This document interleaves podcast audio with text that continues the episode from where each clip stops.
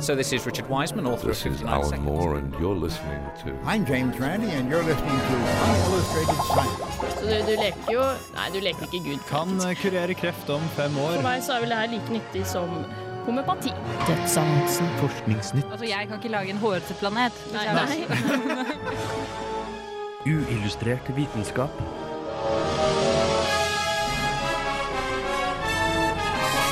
Science, works.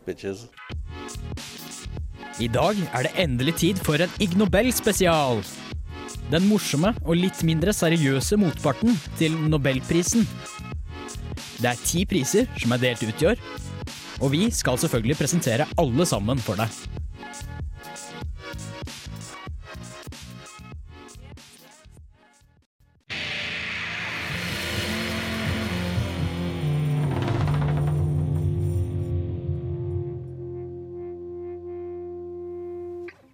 Ja, hei og velkommen til en ny sending av Uillustrert vitenskap. En eh, spesialsending i dag. Eh, det er nettopp eh, vært Ig Nobel-utdeling, eh, og vi skal selvfølgelig dekke alle prisene. Men det er ikke bare meg, Hogne, i studio. Jeg har med meg mine faste sidekicks. Jeg er med, jeg er med. Øyvind er med. Ja. Gaute er også med. Og Agnes er også med denne gangen. Ja, så vi har fullt studio. Eh, ja, jeg kan jo først uh, prate, ta introdusere hva Ig Nobelprisen er, for de som ikke vet hva det er. Uh, det er eh, den, ja, det er den morsomme motparten til eh, Nobelprisen. Det er en pris som skal få deg til å le først, men så skal den få deg til å tenke. Så den skal ikke bare, bare være fjasta, den skal på en måte være eh, Den skal være noe i det også, da. Eh, det har kanskje sklidd litt ut der, som dere kanskje kommer til å høre seinere. I noen av prisene, men eh, de skal på en måte også være forskning. Men det skal også være morsomt. Eh, Og så kan jeg også for så vidt nevne at eh, Under prisutdelingen så har de også løst, løst et stort problem. Nemlig det at prisutdelere prater for lenge. Fordi de har egentlig bare ett minutt å prate på seg, men de har alltid prata over den tida. Men nå har de funnet en liten åtte år gammel jente til å rope 'please stop, I'm bored' med en gang noen prater over ett minutt. Så vi, vi, vi vurderte det her i Ullustrert også, og kanskje legge det til. For det er noen stikk som blir litt lange, så vi kunne kanskje fått det lette selv. Den er jeg med på. Ja, Uh, ja. Det blir kanskje en seinere sending hvor uh, Miss Widdipoo kommer inn, uh, en åtte år gammel jente. Men først så får vi Every Girl av Alla Las.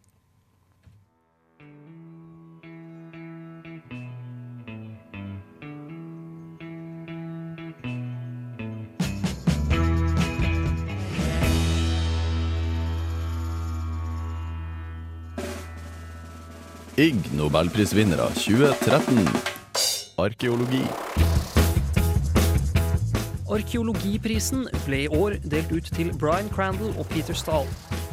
Prisen fikk de for å forvelle en død spissmus og svelge den uten å tygge, for deretter å nøye observere avføringen de neste dagene for å finne ut hvilke bein som går i oppløsning i det menneskelige fordøyelsessystemet, og hvilke som ikke gjør det. Ig Nobelprisvinnere 2013. Folkehelse. Prisen i folkehelse går til syv forskere fra Thailand for å ha beskrevet en rekke medisinske teknikker for penisamputering. Disse teknikkene kan de anbefale, unntatt i de tilfellene hvor penis er delvis spist opp av en and først. Ja, der fikk du de to første prisene. Eh, Den første prisen var det Gaute som introduserte, om arkeologi. Eh, Og det jeg lurer på, hva er det som definerer dette her som arkeologi? Ja, det kan man jo spørre seg om. Eh, Sånn som jeg oppfattet det, så var det det med at de prøvde å komme fram til om Hvis du er i en situasjon der hvor du som arkeolog finner et menneskeskjelett og noen skjelettbiter av noen dyr rett ved siden av, og så lurer du veldig på om skjelettrestene til dyret, eller da dyret, ble spist av mennesket, eller om det bare døde der ved siden av tilfeldig. Um, jeg, jeg er ikke helt sikker på om de kom fram til noe godt svar med tanke på hvordan de, de gjorde dette her. Um, for de aller fleste som spiser mat, tygger den først. Um, Naturlig nok, ja. Så det er kanskje et lite hull uh, i forskningen akkurat der. Men, uh, ja. Men det var virkelig å ofre seg for, eh, skal man si, vitenskapen, det her, altså? Ja, det er vel eh, Jeg vet ikke hva du skal si, jeg kaller det ordentlig drittforskning. Eh, Det kommer mer om det. Men du nevnte et ord her, eh, forvelling. Eh, Hva, hva er det egentlig?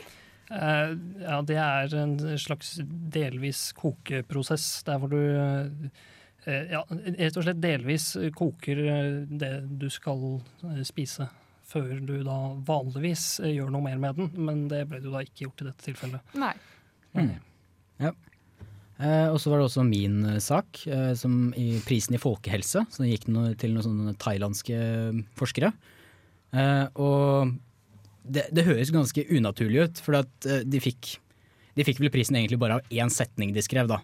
Ja, den historien må du nesten fortelle. Ja, for at uh, penisamputering er sikkert morsomt i seg selv, men uh, ikke nok til å vinne en uh, Ig Nobelpris. Men det at du i forskningsrapporten din skriver at uh, dette, disse teknikkene for penisamputering ikke gjelder hvis penisen er delvis spist opp av en and, er ikke helt naturlig at du sier sånn uten videre. Men det har en historie bak, da. Fordi i, på 70-tallet i Thailand så var det en ganske vanlig hevnaksjon blant koner eh, å kutte av penis til mannen sin hvis de gjorde noe galt, var utro eller et eller annet. Eh, og da var det ganske naturlig å kaste den penisen ut vinduet etter at du var ferdig med å kutte den av. Eh, og da var det i en del tilfeller hvor den faktisk ble spist på av and. Og det, og det de da sier i forskningsrapporten er at de teknikkene de har funnet for å få denne her penisen på plass igjen, det, det fungerer ikke like bra hvis den er delvis spist opp av en and først. Så det, det, er, det er en naturlig sak, eh, eller en naturlig grunn til at de skrev det, men eh, det, det er nok den eneste grunnen også til at de vant Ig Nobelprisen. Ja, men altså, det må vel være for en eh, Det må vel egentlig gjelde for andre dyr også. Det var bare den ene setningen av den historien der. Ja, Så det er ikke eh, noe sånn at hvis eh, si en eller annen i Filippinene er ute og går tur, og så kjenner han noe bite til der nede, og så ser han veldig nervøst ned, og så var det heldigvis en hund som bet den av. Ja. Nei, det, det vil nok gjelde for alle andre dyr. Men, Men, eh, men du, du hva, er, hva er egentlig moralen i den saken her? Det må jo være en moral. ja, um, uh, moralen blir vel da kanskje ikke kutt av penisen din, men hvis du gjør det, vit at det finnes gode teknikker for å sette den på plass igjen. Eh, Med mindre den da- allerede er delvis spist opp av en and først. Ja, viktig å passe på. Ja, eh, men vi har mange priser eh, vi skal igjennom i dag, så vi får sette på litt mer musikk. Nå kommer Arabella av Arctic Monkeys.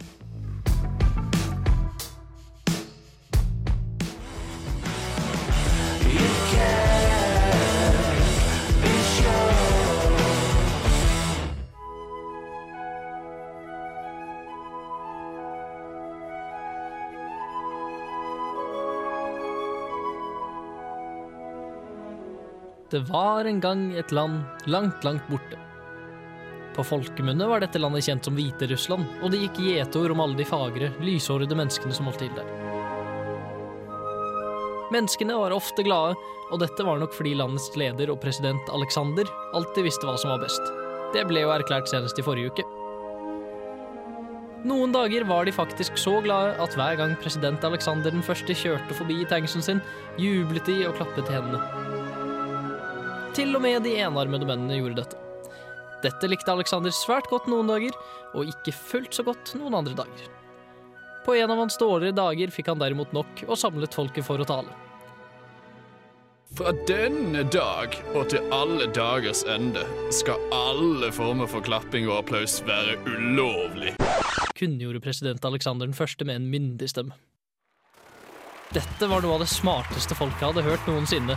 For ikke bare visste Alexander alltid best, men dette var så smart at ikke engang folket skjønte hvorfor. Folkemassene ble helt hysteriske og applauderte flere dager i strekk, og de enarmede mennene klappet høyest og lengst av alle. Da fikk dessverre Alexander nok og arresterte hele hurven. Spesielt de enarmede mennene. Og slik gikk det til at Alexander fikk den gjeve Ig Nobels fredspris. Du hører på Radio Revolt, studentradioen i Trondheim. Ja, der fikk du eh, muligens eh, den første premieren på eventyr eh, her i Illustrert vitenskap. Det er ikke vanlig at vi har eh, eventyr her. Ikke hvis det er første nei, da er det vel faktisk ganske nytt, vil jeg si. Ganske uvanlig, sånn statistisk sett, ja. Eh, Men eh, du nevnte at, han, at de klart, han presidenten i Hviterussland klarte å arrestere en enarmet mann. Eh, Hvordan, eller hvorfor? Hvorfor ble han arrestert når han, for å klappe? Altså, enn så mye jeg prøvde å finne ut av det. Altså, hvorfor han ble arrestert for å klappe, det kan jeg jo si, men eh, først vil jeg legge til at eh, fordi han gjorde jo faktisk klapping ulovlig. Mm. Men hvordan han enarmede mannen klappet, klarte å klappe, det fant jeg faktisk aldri ut av. Jeg prøvde å finne ut, jeg sjekket overalt, men jeg fant ikke ut av det. De var kanskje ikke så opptatt av om du faktisk hadde brutt noe. Hvis du, Nei, altså, I, I Hviterussland kan du liksom sette litt folk i fengsel litt sånn uten videre. Hviterussland kalles jo for eh, Europas siste diktatur, så Ja. Men uh, grunnen til at klapping ble ulovlig, da, det er jo fordi i Hviterussland så er det faktisk ulovlig å samles i store folkemengder og begynne å demonstrere og sånt. Mm. Uh, og protestere. Alle former for protest er liksom Det er ikke lov. Uh, så da begynte folk med en litt sånn koseligere form for protest, for de begynte bare å klappe mot presidenten. Og det ble jo ulovlig, da. Og, så derfor ble det var vel derfor han enarmede mannen ble arrestert, om han fikk hjelp til å klappe. Eller hva som skjedde, vet jeg ikke. Klappe, Ja. Ja. Nei, jeg kan for nevne at jeg så på, litt på den prisutdelingen, og når de delte ut denne her prisen, så hadde de samla to og to folk som klappa sammen, da, sånn, som om de hadde vært enarmede. Bare for å vise hvor teit dette her er. Jeg må, jeg må jo si det at det som irriterer meg mest med denne saken, her, er at der ute et eller annet sted så finnes det en eh, politimann som har arrestert en enarmet mann.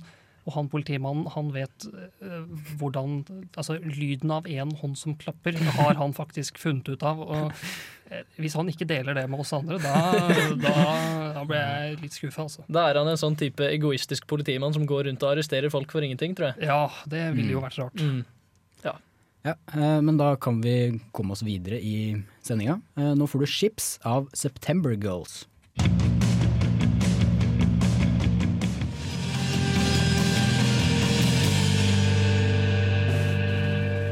Ig Nobelprisvinnere 2013.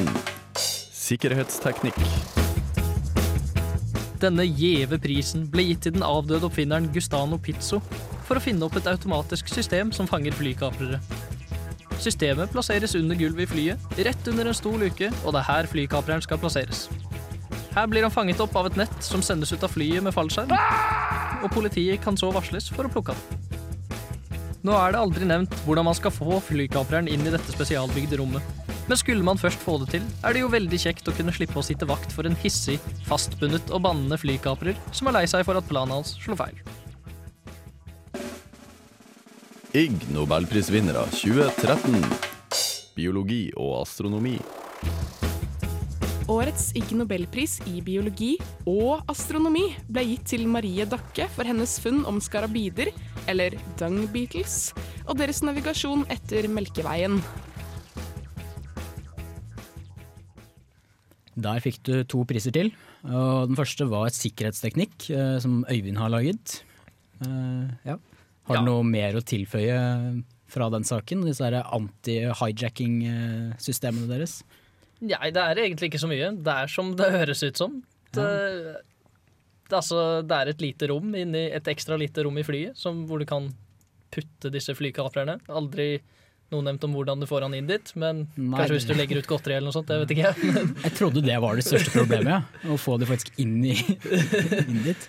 Ja, nei, altså, Det er godt mulig at det er det største problemet, men du har, hvis du skulle være så heldig i hvert fall da, å få tak i han, så har du en veldig kjekk måte å kvitte deg med han på. Mm. Men dette her ble jo først tatt patent på i 1972, eh, og da var det, med, da var det jo sånn da var jo planen at man skulle ringe politiet, få tak i politiet over radio og si at eh, han kommer til å lande der. Og det er for så vidt ikke noen løsninger i tilfelle han skulle lande i vannet.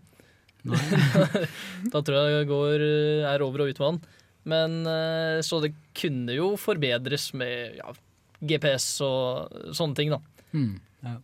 Men det, det er ingen som har laget dette her i praksis, eller er det noen som har forsøkt det? Nei, det er ikke noen som har gjort det. det, er, det er bare planer. Ja. Kult nok til å vinne en Ig Nobelpris, ikke bra nok til å få til så mye ut annet ut av det. Ja, nei, eh, men da hopper vi videre til biologi og astronomi. Jeg tror ikke det er så ofte de klarer å kombinere de to prisene. Nei, det er jo eh, en veldig morsom sak da, med sånne dung, dung bee beetles. Ja. Eller jeg prøvde å finne et ord på det på norsk, og jeg fant ut at det bare ble skarabider. Eller jeg vet ikke om det er det samme som gjødselbiller, men de, eh, poenget med disse billene da, er jo at de ruller sammen en ball med bæsj, som de er veldig glad i, og det er veldig viktig for dem å beholde den i fred. Og for å komme seg unna andre sånne biller da, som er interessert i denne, denne klumpen de har, da, så må de navigere og fly vekk, og det gjør de raskest hvis de flyr i en rett linje. Og for å navigere bort, så bruker de De trenger et kompass, og kompasset deres er Melkeveien. Og det er veldig kult, fordi man trodde jo at det bare var mennesker og en del andre pattedyr og fugler som brukte himmelen da, som, som kompass. Men eh, de viste, det viste seg også da at, eh, at disse billene også bruker det. da. Ja. Men de, de bruker vanligvis månen og sånne ting, ikke Melkeveien. Ja, men så fant de ut at når månen var blokkert, så klarte de fremdeles å navigere. Så de skjønte da at da bruker de også stjernehimmelen, da, og det er jo litt, litt kult. Hmm. Og en annen ting som er veldig nydelig og koselig med dette eksperimentet, her, var at de satte på sånne små hatter eh, på disse små eh, billene. da, For å sjekke om, for at biller har jo øyne oppå hodet som ser oppover, og så har de øyne som ser nedover og til, eh, fremover. Og denne capsen, eller hatten, da, den blokkerte jo de øynene som de har oppå hodet, som gjorde at de ikke klarte å se himmelen, og da fløy de rundt som ja, I beskrivelsen så sto det at de fløy rundt som fulle, fulle biller, da, eller drunkies, med, med caps. Ja. Så drunkies med caps, det var Jeg skulle gjerne ha sett det fors forsøket. Altså. Det, det, høres veldig morsomt ut. Ja, Hvor får man tak i sånne hatter, egentlig? Tviler på at de er på eBay, f.eks. Sånn små Alt er på eBay. ja. ja. Billehatter. Ja, nei, men Vi får komme oss eh, videre i sendinga. Eh, nå er tilfeldigvis neste sang 'Pillow Fighter' av Drunk.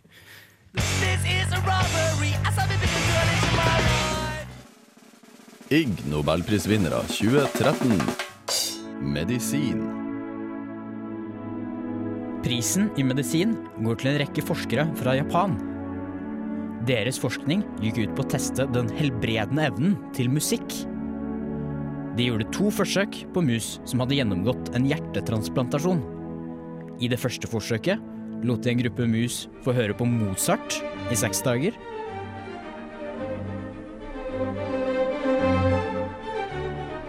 Den andre gruppa fikk høre på Enja i seks dager.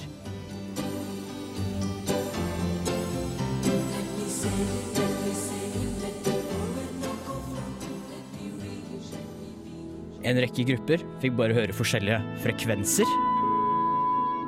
Mens den siste gruppa hørte ikke på noe musikk og var bare en kontrollgruppe. Resultatet var de som hørte på Mozart, overlevde betraktelig lenger enn alle de andre gruppene. Så Mozart gjør tydeligvis underverker med kroppen din. I det andre forsøket gjorde de en grundigere undersøkelse hvor de testet nivået av proteinet cytekin i kroppen etter hjertetransplantasjonen. Her hørte en gruppe mus på opera.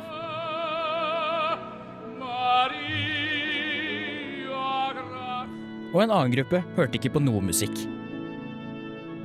De fant ut at immunresponsen endret seg når musene hørte på opera, og forbedret det. Så konklusjonen til disse japanske forskerne klassisk musikk og opera forbedrer immunforsvaret vårt. Men forskningsartikkelen til disse japanske forskerne overbeviser nok dessverre ingen. De brukte kun fem mus i hver gruppe. De har brukt dårlige statistiske modeller, og noen av musene som hørte på Mozart, levde opptil ti ganger lenger enn kontrollgruppen. Noe som helt klart har påvirket resultatet, og som tyder på at de burde testet flere mus. Så da haster det kanskje ikke så mye med å installere operaspillere i operasjonsrommene enda. Men nok til å vinne en Ig Nobelpris var det i hvert fall.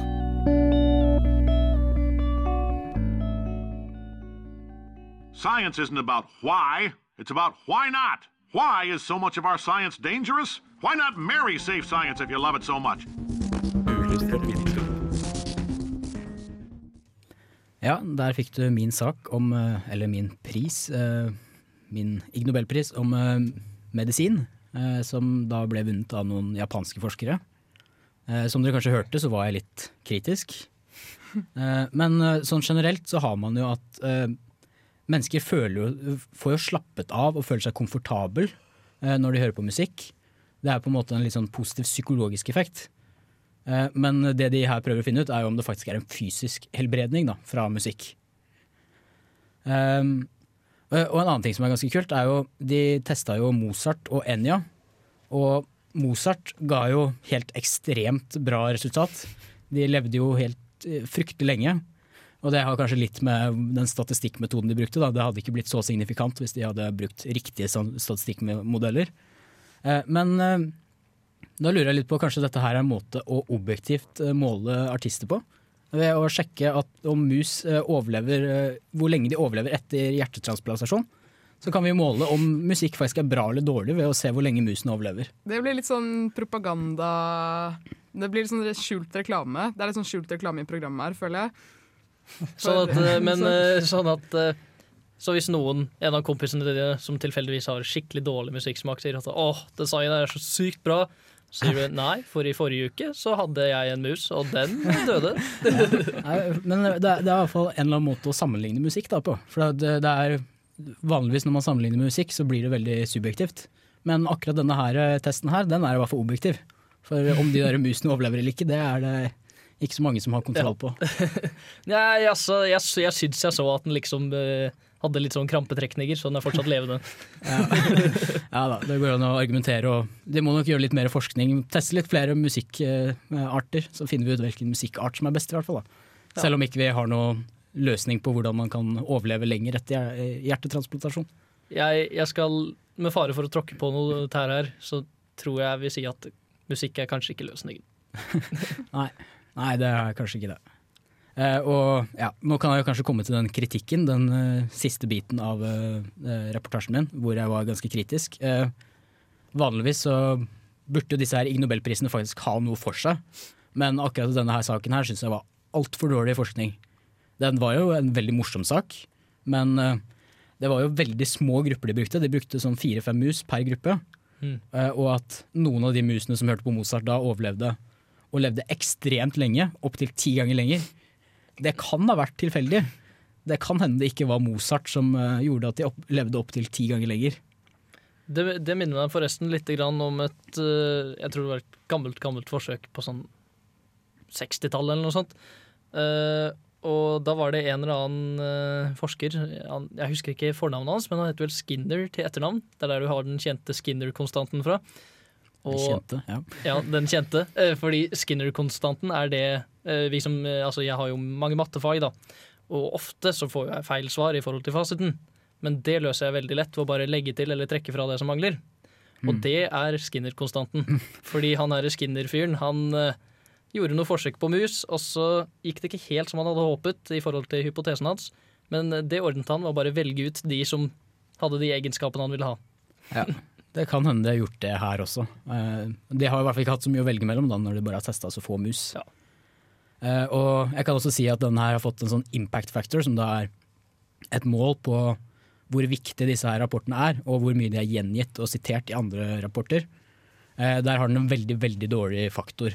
En sånn crap-faktor, så det er egentlig en ganske dårlig forskningsrapport generelt. Men eh, morsom nok til å vinne en Ig Nobelpris. Men eh, jeg var borti den saken her selv, og jeg hørte om navnet på eh, den rapporten. og Ja. Så ga jeg meg vel egentlig halvveis. Ja, for at, eh, selv om ikke selve forskningsrapporten var så imponerende, så var kanskje navnet på forskningsrapporten eh, imponerende nok, i hvert fall. Den eneste imponerende her. Eh, jeg kan prøve å lese den opp. Eh, den het 'Auditory Stimulation of Opera Music Induced Prolongation of Murine Cardiac Allograft Survival and Maintained Generation of Regulatory CD4 pluss, CD25 pluss cells'. Enkelt og greit, altså. Nei, nå går vi nesten tom for tid her. Altså. Det skal ikke være så vanskelig. Nei, jeg tror vi må forte oss videre. For, ja, eh, men vi kan uansett komme oss videre, uansett om vi må forte oss eller ikke. Nå får du Blood Like Cream av Red Fang.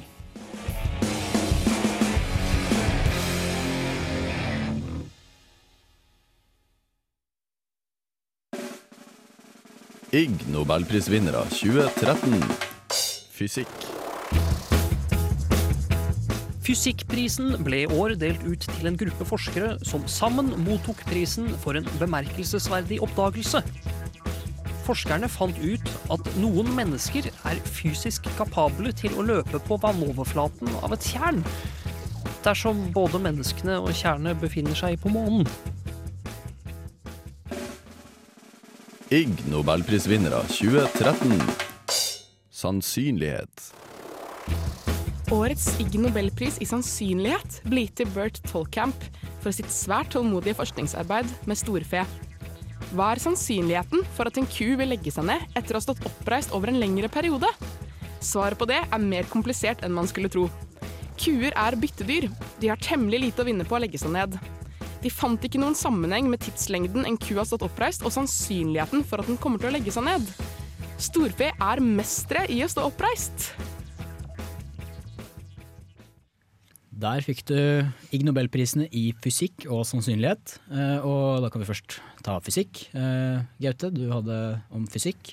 Ja, hvordan fikk de testa deg her, egentlig? Ja, altså, nei, du skulle, det hadde vært mye morsommere hvis de tok eh, med seg noen til å løpe i et eh, basseng oppe på månen, uh, men det gjorde de ikke. Uh, det de gjorde var at de, de heiste de opp med tau for å simulere lavere tyngdekraft, og så ga de de svømmeføtter, sånn at de fikk litt større bein. Eh, og så ba de de om å, å løpe på stedet hvil i, i et svømmebasseng. Ikke akkurat det jeg hadde sett for meg, men eh, Det er nesten, som å, nesten som å løpe på månen. Det er, ja, Ja. kanskje. Hadde håpet på en eller annen sånn månebase eller noe sånt. Ja, nei, det hadde vært mye kulere, altså. Eh, fordi at eh, Grunnen til at de ga svømmeføtter, annet, er jo at altså, du tenker ok, større bein. Um, men eh, de brukte faktisk en modell uh, som skal forklare hvorfor uh, en spesiell type øgle kan løpe på vann. Mm. Uh, og så bare brukte de den på mennesker, og så fant de ut at det var litt feil forhold sånn med lengde på bein og størrelse på føtter. og så, så er mennesker litt større enn de øglene, da. Ehm, så, så, så det de egentlig bare har gjort, er å bruke noen matematiske formler og vri de rundt på hodet, og så funnet ut at eh, man kan løpe på vann på månen.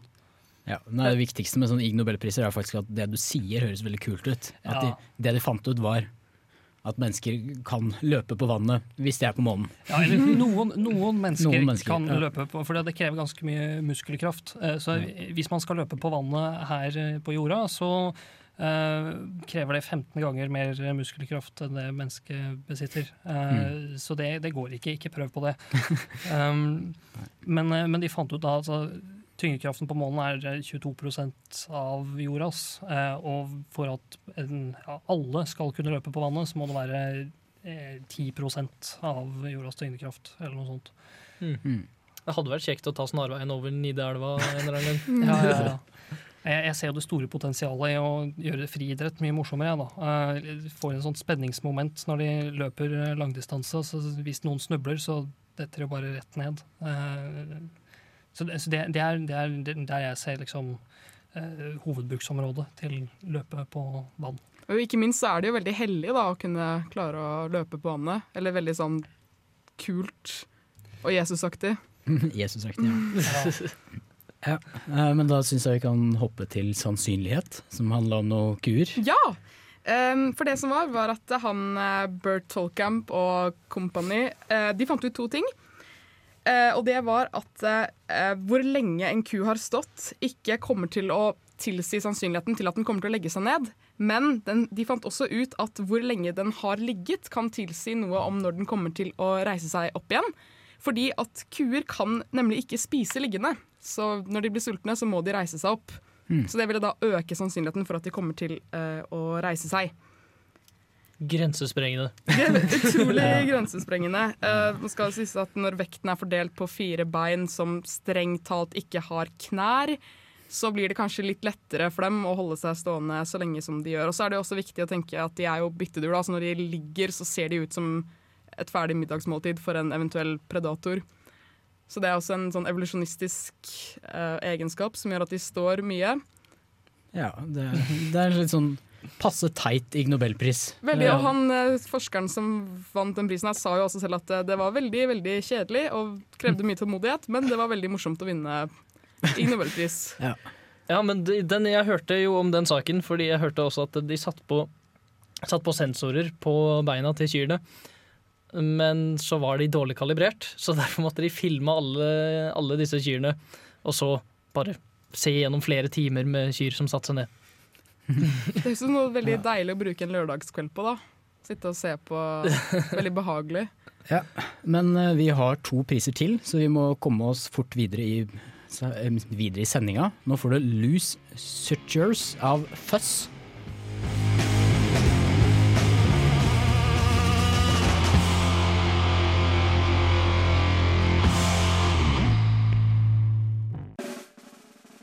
Ig Nobelprisvinnere 2013. Kjemi. Årets Ig Nobelpris i kjemi gikk til japaneren Shinsuke Imai og hans team for å ha funnet ut at prosessen som gjør at øynene svir når man skjærer løk, er litt mer komplisert enn man først trodde. For det har seg nemlig slik at stoffet propantialesoksid finnes i løken og brytes ned til svovelsyre, og det er dette som virker irriterende på øynene. Men dette er jo noe alle så klart visste fra før. Hvor stoffet kommer fra, har dermed vært usikkert helt til nå. Tidligere trodde man kanskje at et enzym kalt alinase brøt ned til propantialesoksid, men så feil kan man jo ta. De japanske forskerne oppdaget nemlig et annet enzym, laksiomatorisk faktor synase, som til syvende og sist viste seg å ha utallige mengder gråtende menn på sine hender.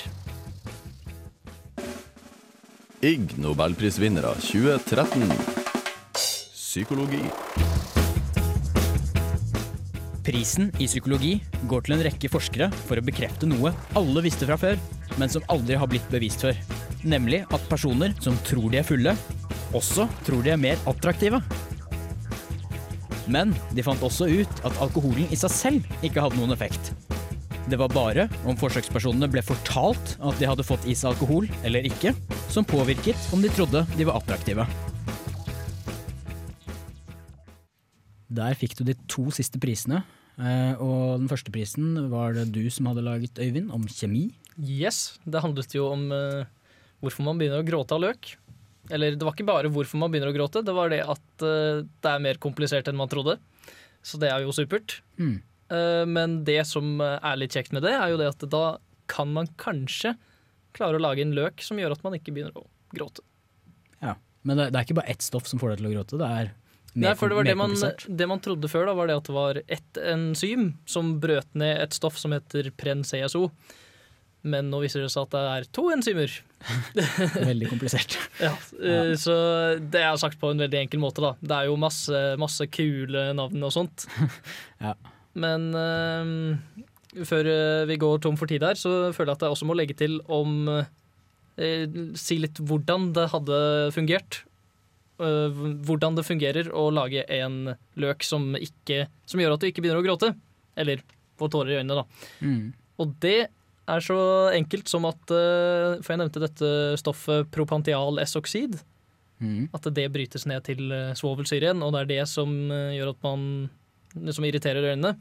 Men det skal være mulig å få Istedenfor at man får propantial-esoksid, så får du heller tiosulfanat, og det blir ikke til svovelsyre. Ok, ja, Veldig komplisert. Eh, ja, da var det den siste prisen innenfor psykologi som jeg hadde. Eh, og den Det er da at eh, man får Om man tror man har drukket alkohol, så tror man også at man er, er mer attraktiv. Men det spesielt morsomme her da, er jo at dette er, har ingenting å si om du faktisk har drukket alkohol eller- eller ikke.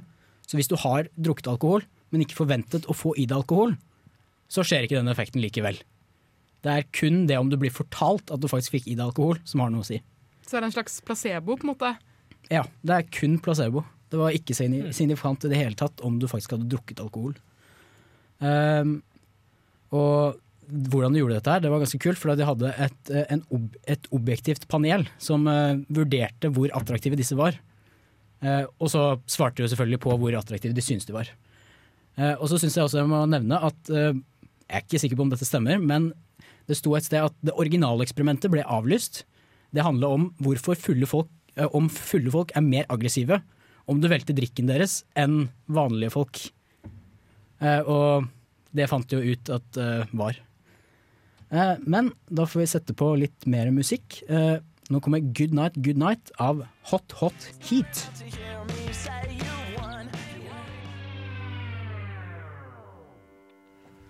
Ja, da begynner vi å nærme oss uh, slutten. Uh, det er Ja, jeg har vært uh, Hogne, og med meg i dag har jeg hatt med meg Øyvind. Yes. Gaute. Hei, hei.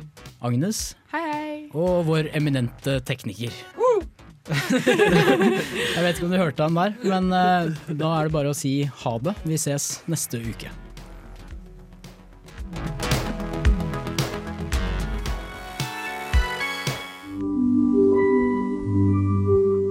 Uillustrert vitenskap er Midt-Norges eneste teknologimagasin på lokalradio. Og vi snakker om alt fra populærvitenskap til sære forskningsprosjekt ved NTNU. Radio Revolt, studentradioen i Trondheim, er stolt av å kunne presentere podkaster fra de aller mest populære programmene våre. Hvis du har lyst til å høre mer fra Radio Revolt, hvem vi er og hva slags musikk vi spiller, så kan du høre oss på FM-båndet i Trondheimsregionen, eller streame sendingene våre live på radiorevolt.no.